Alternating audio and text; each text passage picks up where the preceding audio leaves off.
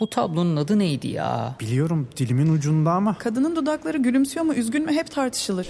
Sadece tablonun adı değil, etrafındaki çerçeve, bulunduğu müze, hakkında çıkan haberler, eserin sahibi ve daha birçok bilgi Samsung Galaxy S24 serisi ve Circle to Search ile dilinin ucunda değil, parmağının ucunda. Galaxy AI ile gelecek işte bu kadar kolay.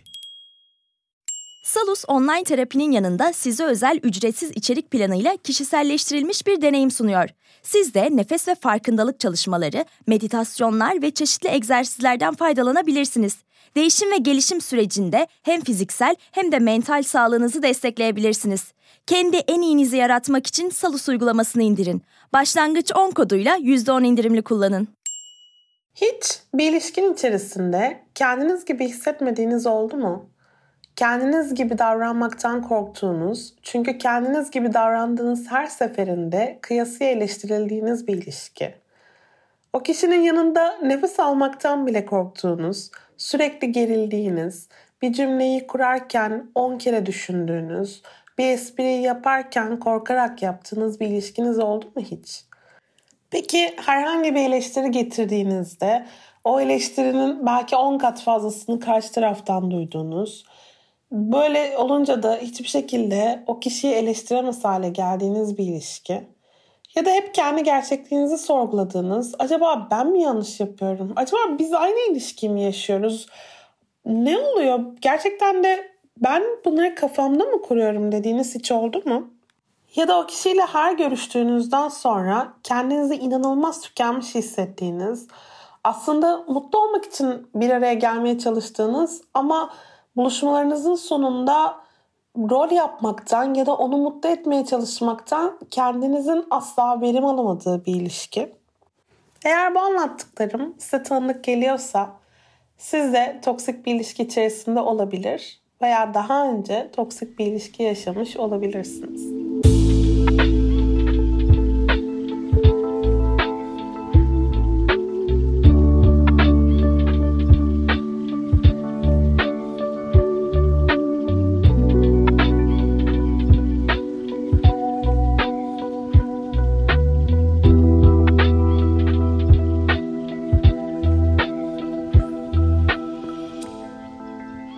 Psikolog doktor Gizem Sürenkök.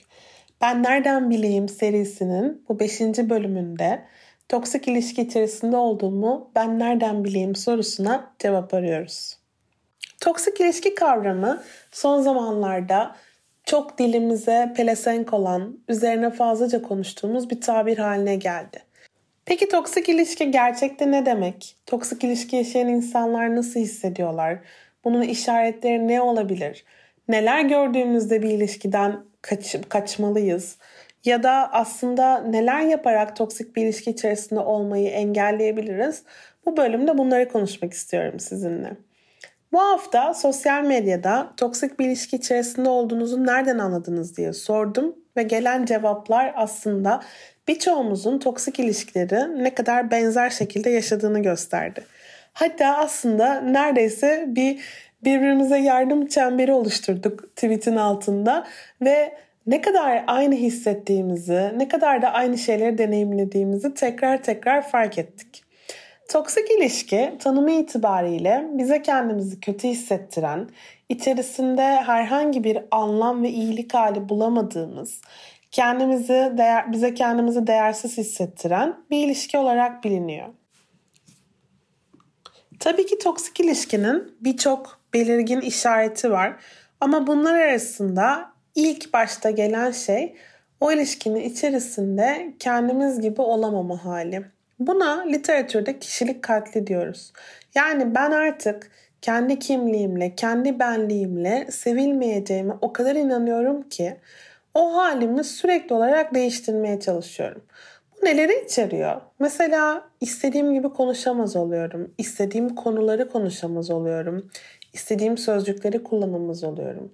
İstediğim gibi espri yapamaz oluyorum. İstediğim şakaları yapamaz oluyorum. İstediğim gibi giyinemez, istediğim şeylere inanamaz oluyorum.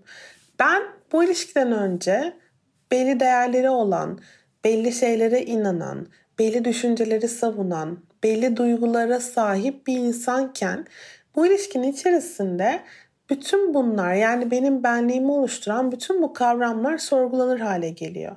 Of buna mı gülüyorsun? Ya da buna mı üzüldün gerçekten ya? deniyor karşı taraftan. Ve ben sorgulamaya başlıyorum. Ya bu gerçekten üzülecek bir şey değil miydi acaba? Ben mi abartıyorum? Ben mi çok hassasım?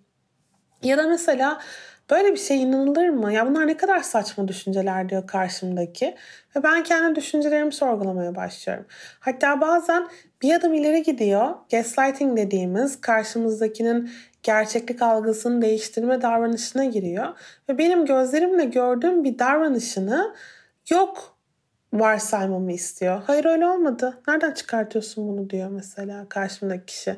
Ama biliyorum, görmüşüm. Onun öyle olduğunu biliyorum ya da o kişinin öyle bir cümle kurduğunu biliyorum.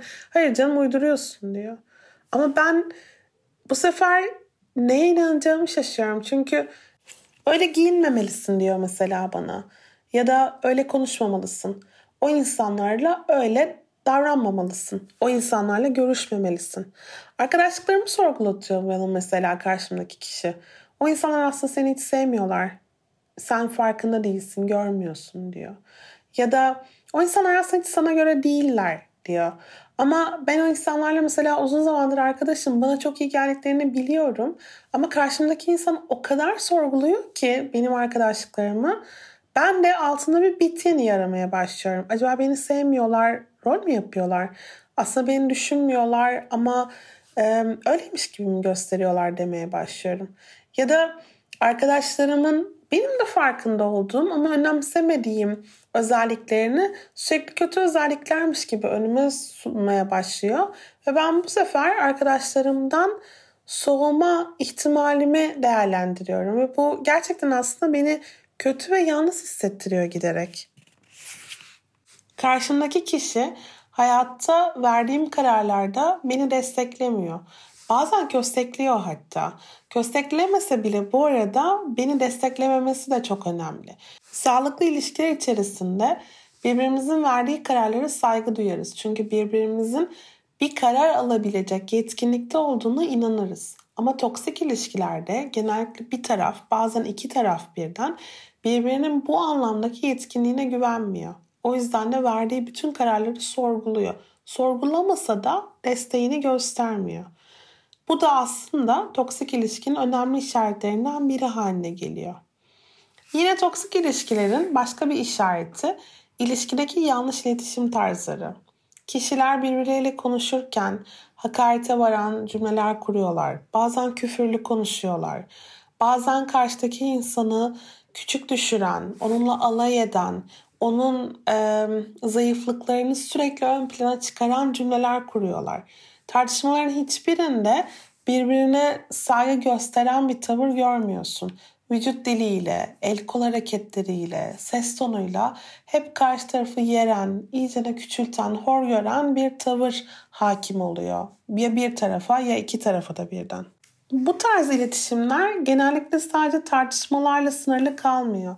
Kişiler birbirleriyle genel iletişim tarzları içerisinde bu saygısız, karşı tarafı insan yerine koymayan tavrı sürdürmeye devam ediyorlar. Öyle olunca birbirine duyduğu saygı, çiftin birbirine duyduğu, duyduğu saygı gitgide azalıyor. Tabii mesela burada birbiri için önemli olan mesela değerlere saygı göstermek. Diyelim ki bir kişinin ailesi o kişi için çok önemli ve partneri o kişinin ailesine o kadar saygı göstermiyor ki her bunu yaptığında partnerine şunu söylemeye çalışmış oluyor aslında. Senin için önemli olan şey benim için hiç önemli değil. Ve burada şunu demeye çalışmıyorum. Bazen birimiz için önemli olan şey diğerimiz için o kadar önemli olmayabilir ve bu sınırlar içerisinde normaldir. Ama saygısızlık etmek aslında bunun bir adım ötesi. Saygısızlık ettiğimiz zaman karşımızdaki insanın buna verdiği önemi de bir şekilde yargılamış oluyoruz. Bu insanı herhangi bir değere verdiği önemden dolayı küçük görmüş oluyoruz. Bu da aslında toksik ilişkinin önemli bir işareti. Ya da mesela karşımızdaki insanın özel günlerini unutmak, özel anlarını kaçırmak. Diyelim ki bir mülakatınız var ve partneriniz sizin mülakatınızı bilmesine rağmen o gün hiç sormuyor bile. Ya da mesela o gün sizin mezuniyetiniz var ama partneriniz buna dahil olmayı bile istemiyor. Ya da o gün aslında yıl dönümünüz ve siz bunu önemsediğinizi biliyorsunuz ama o gün buna dair en ufacık bir mesaj bile almıyorsunuz.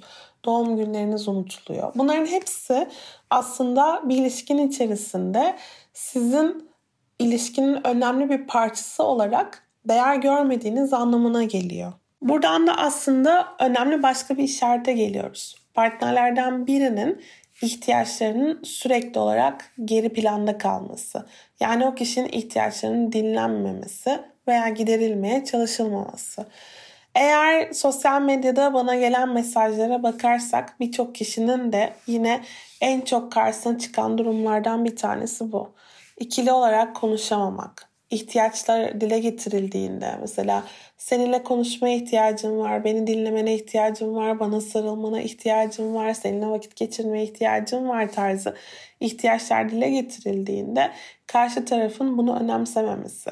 Hatta bazen e, kişinin vakti olmasına rağmen bunu talep eden partnere değil de başka insanlara ayırması ve bunu çoğu zaman bilinçli bir şekilde yapması. Böylece partnerin ben hangi sırada geliyorum, benim bu insanın hayatında herhangi bir önceliğim var mı diye sorgular hale gelmesi.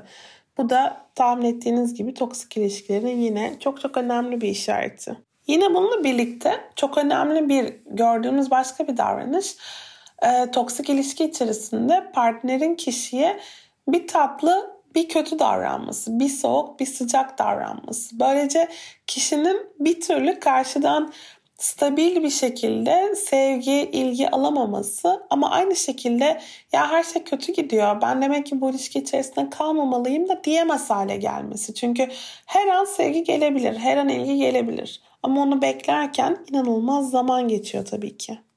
Öyle bir duruma geliyor ki insan sanki kendisi sürekli fedakarlık yapan, ilişki için adımlar atan ama karşı taraftan bunun bir türlü karşı tarafta bunun yansımasını bir türlü göremediği bir hale geliyor. Öyle olunca da ben tek başıma yaşıyorum bu ilişkiyi diye hissetmeye başlıyor. Çünkü karşı tarafta yaptıklarının hiçbir tezahürü yok. Toksik ilişkilerde yine sık gördüğümüz bir başka davranış yalan söyleme. Ama bu yalanı söyleyen her zaman toksik olarak tanımlanan partner olmuyor. Bazen toksik davranışlara maruz kalan partner de artık o toksik davranışlardan kaçınmak için, ilişkide daha fazla eleştirilmemek için ya da daha fazla sorun çıkmaması adına sürekli yalan söylemeye başlıyor. Yani artık dürüst olan neydi, gerçek olan neydi bunların hepsi birbirine giriyor. Toksik ilişkilerin bir başka önemli işareti de kişinin kendisinin sürekli tedirgin ve gergin hissetmesi. Eğer her yaptığınız eleştiriliyorsa, her cümlenizden bir yanlış anlam, anlam çıkartılabiliyorsa, eğer e, konuştuklarınız, düşündükleriniz her an bir değerlendirmeye tabi tutuluyorsa o zaman işte İngilizce bir tabir var. Yumurta kabukları üzerinde yürümek diyoruz. Onu yaşamaya başlıyorsunuz. Hep tedirgin, hep tetikte. Şimdi ne olacak? Aman bir problem çıkmasın. Aman yine ağzımızın tadı kaçmasın diye düşüne düşüne bu sefer artık hiç kendiniz gibi olamıyorsunuz. O baştaki kişilik katline gördüğünüz gibi tekrar dönmüş oluyoruz bu noktada. Sence gelecek nasıl olacak? Gördüğün her şey hakkında anında bilgi sahibi mi olacaksın? Gecenin karanlığında çok uzaklarda bir baykuşun kanat çırpışını hemen önündeymiş gibi mi göreceksin? Ya da duydukların senin için dönüp bakabileceğin notlara mı dönüşecek? Şimdi cebinden Samsung Galaxy S24 Ultra'yı çıkar. Bunların hepsi işte bu kadar kolay. Çünkü Galaxy AI ile yapay zeka çağı başladı. Galaxy S24 Ultra ile gelecek seni bekliyor. Salus uygulamasında klinik psikologların yanında online görüşme yapabileceğiniz farklı uzmanlar da var.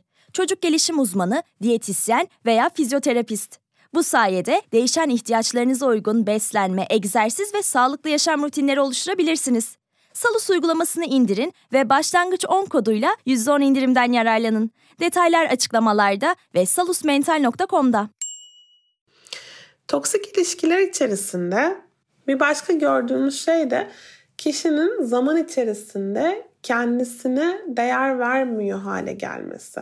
Yani karşımızdaki insan bizim ihtiyaçlarımızı görmediğinde ama biz sürekli çabaladığımızda, bizi duymadığında ama biz bir şeyler söylemeye devam ettiğimizde, biz fedakarlık yaptığımızda ama karşılığını alamadığımızda bir süre sonra şuna inanmaya başlıyoruz. Demek ki ben bunları hak etmiyorum. Demek ki ben iyi şeyleri hak etmiyorum. Ve bir noktada artık o kadar yetersiz, o kadar değersiz hissediyoruz ki kendi öz bakımımızı da ihmal etmeye başlıyoruz. O yüzden aslında toksik ilişkideki birçok insan sadece ilişkinin içerisinde değil, ilişkinin etkisiyle endirekt olarak da bundan olumsuz etkileniyor. Çünkü kişi artık hobilerini bırakıyor, arkadaşlarını ihmal ediyor, ailesinden uzaklaşıyor. Artık izole, yalnız, bakımsız bir hale geliyor. Öyle olduğu için toksik ilişkiler sonunda eğer yine mesajlara bakarsak bütün bunları da görebiliriz. Kişinin gerçekten neredeyse ışığı sönüyor. Gözlerinin feri sönüyor.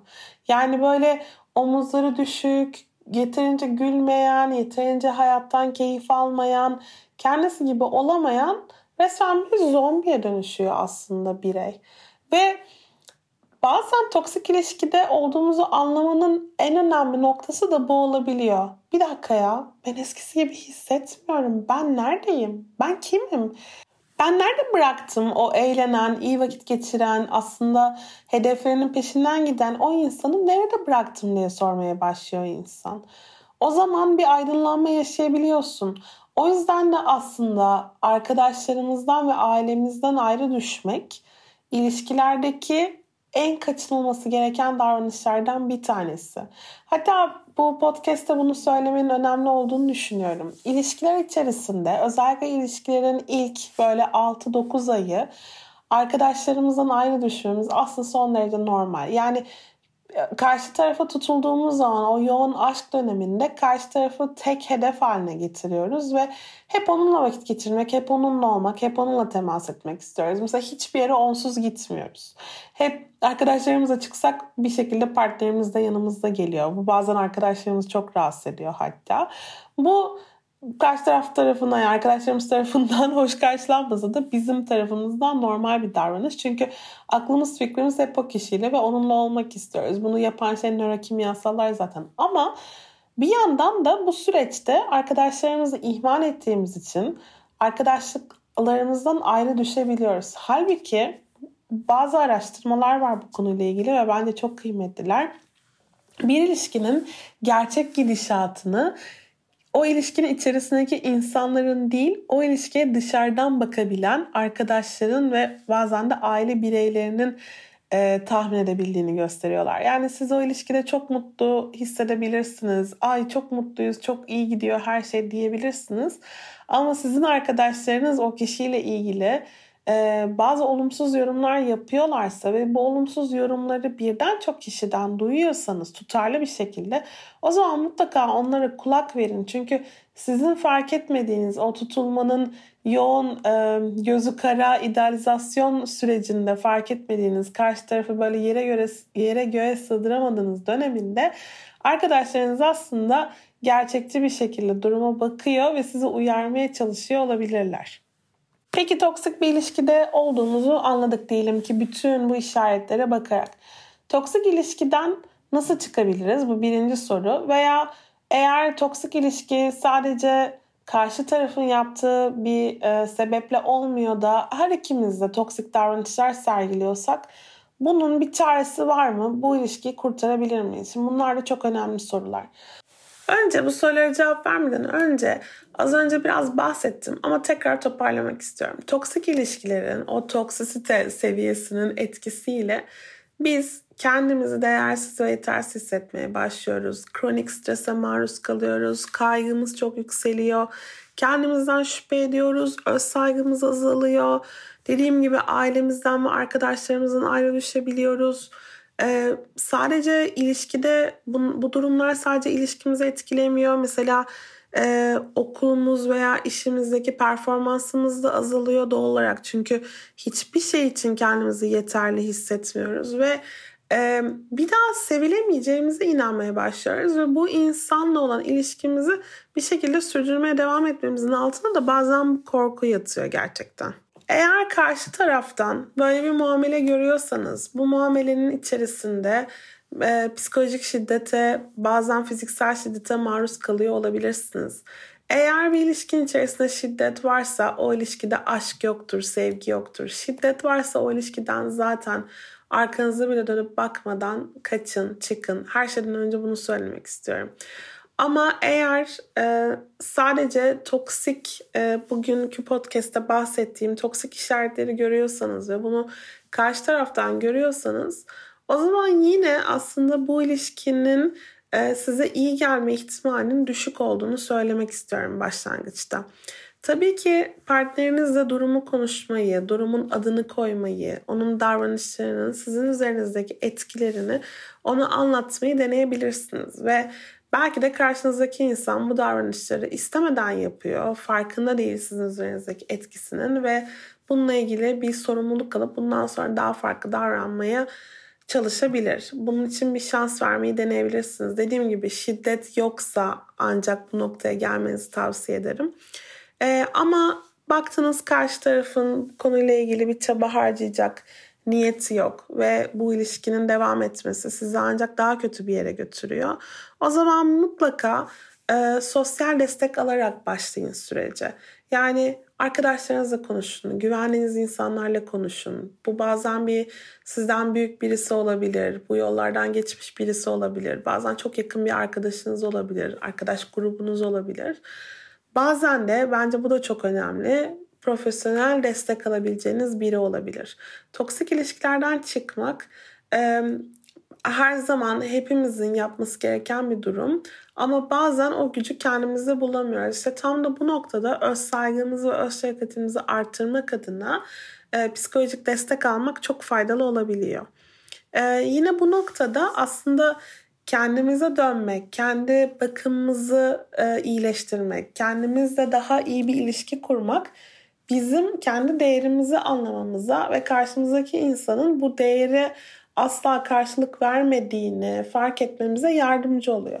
O yüzden de yine kişinin kendisiyle olan ilişkisini düzeltmesi çok önemli. Ee, ve eğer herhangi bir şekilde e, çıkış planı yapmadan bu ilişkiden ayrılırsanız ilişkiye geri dönme ihtimaliniz daha fazla. O yüzden e, bu ilişkiyi geride bıraktığınızda mümkün olduğu kadar bu insanla tekrar iletişim kurmamak, aranızdaki bağları koparmak ve yaşadığınız bütün o toksik davranışları idrak edip ya ben nelerden geçtim, nasıl bir mücadeleden çıktım diyebilmek çok önemli. Kendinizi bu ilişkiyi geride bırakabildiğiniz için gerçekten takdir etmelisiniz. Eminim bu podcast'ı dinleyen ve bu süreçlerden geçen insanlar vardır. Bana bu alanda yazan çok kişi oluyor. Hepinize gerçekten hayranlık duyuyorum. Bunun gerçekten çok büyük bir mücadele olduğunu biliyorum ve e, bu ilişkileri geride bırakabilmeyi başardığınız için gerçekten e, bunun büyük bir zafer olduğunu hepinize hatırlatmak isterim. Peki ilişkin içerisinde her iki tarafta toksik dinamikler içerisindeyse ama değişmek, düzelmek istiyorsa bu anlamda gerçekten sorumluluk almaya hazırsa o zaman ne yapmak lazım?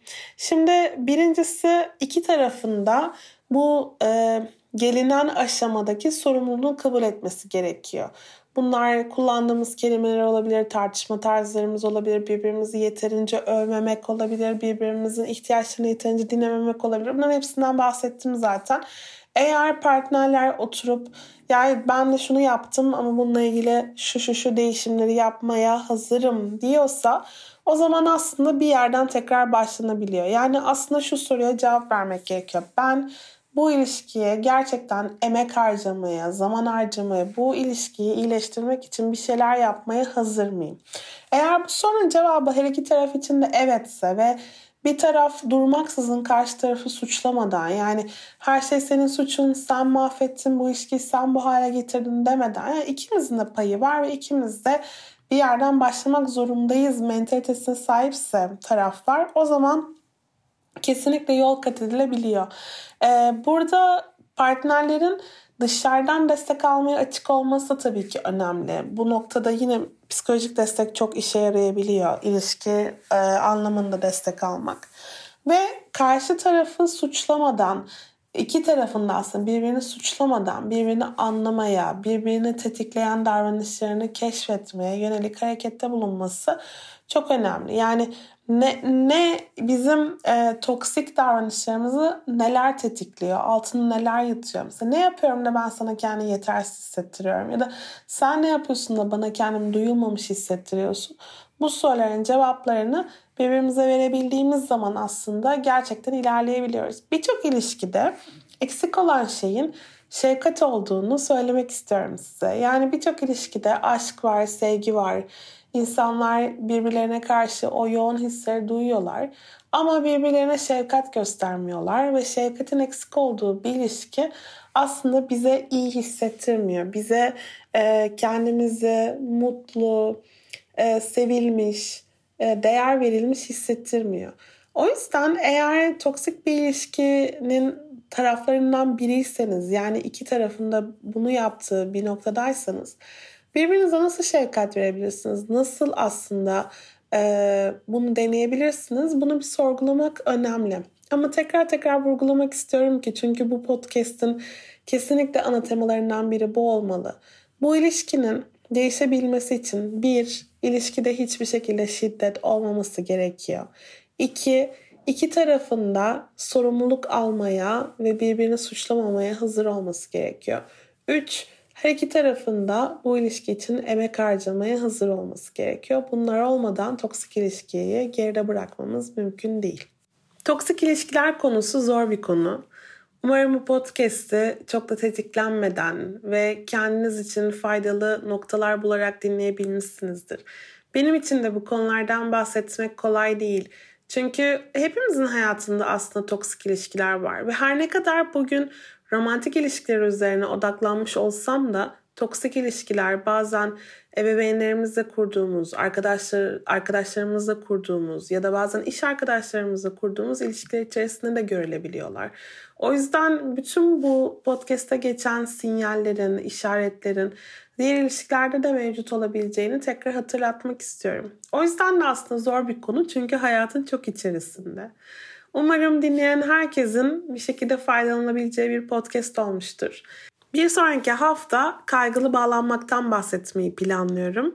Gelecek hafta görüşmek üzere diyerek hepinize sevgilerimi yolluyorum. Hoşçakalın.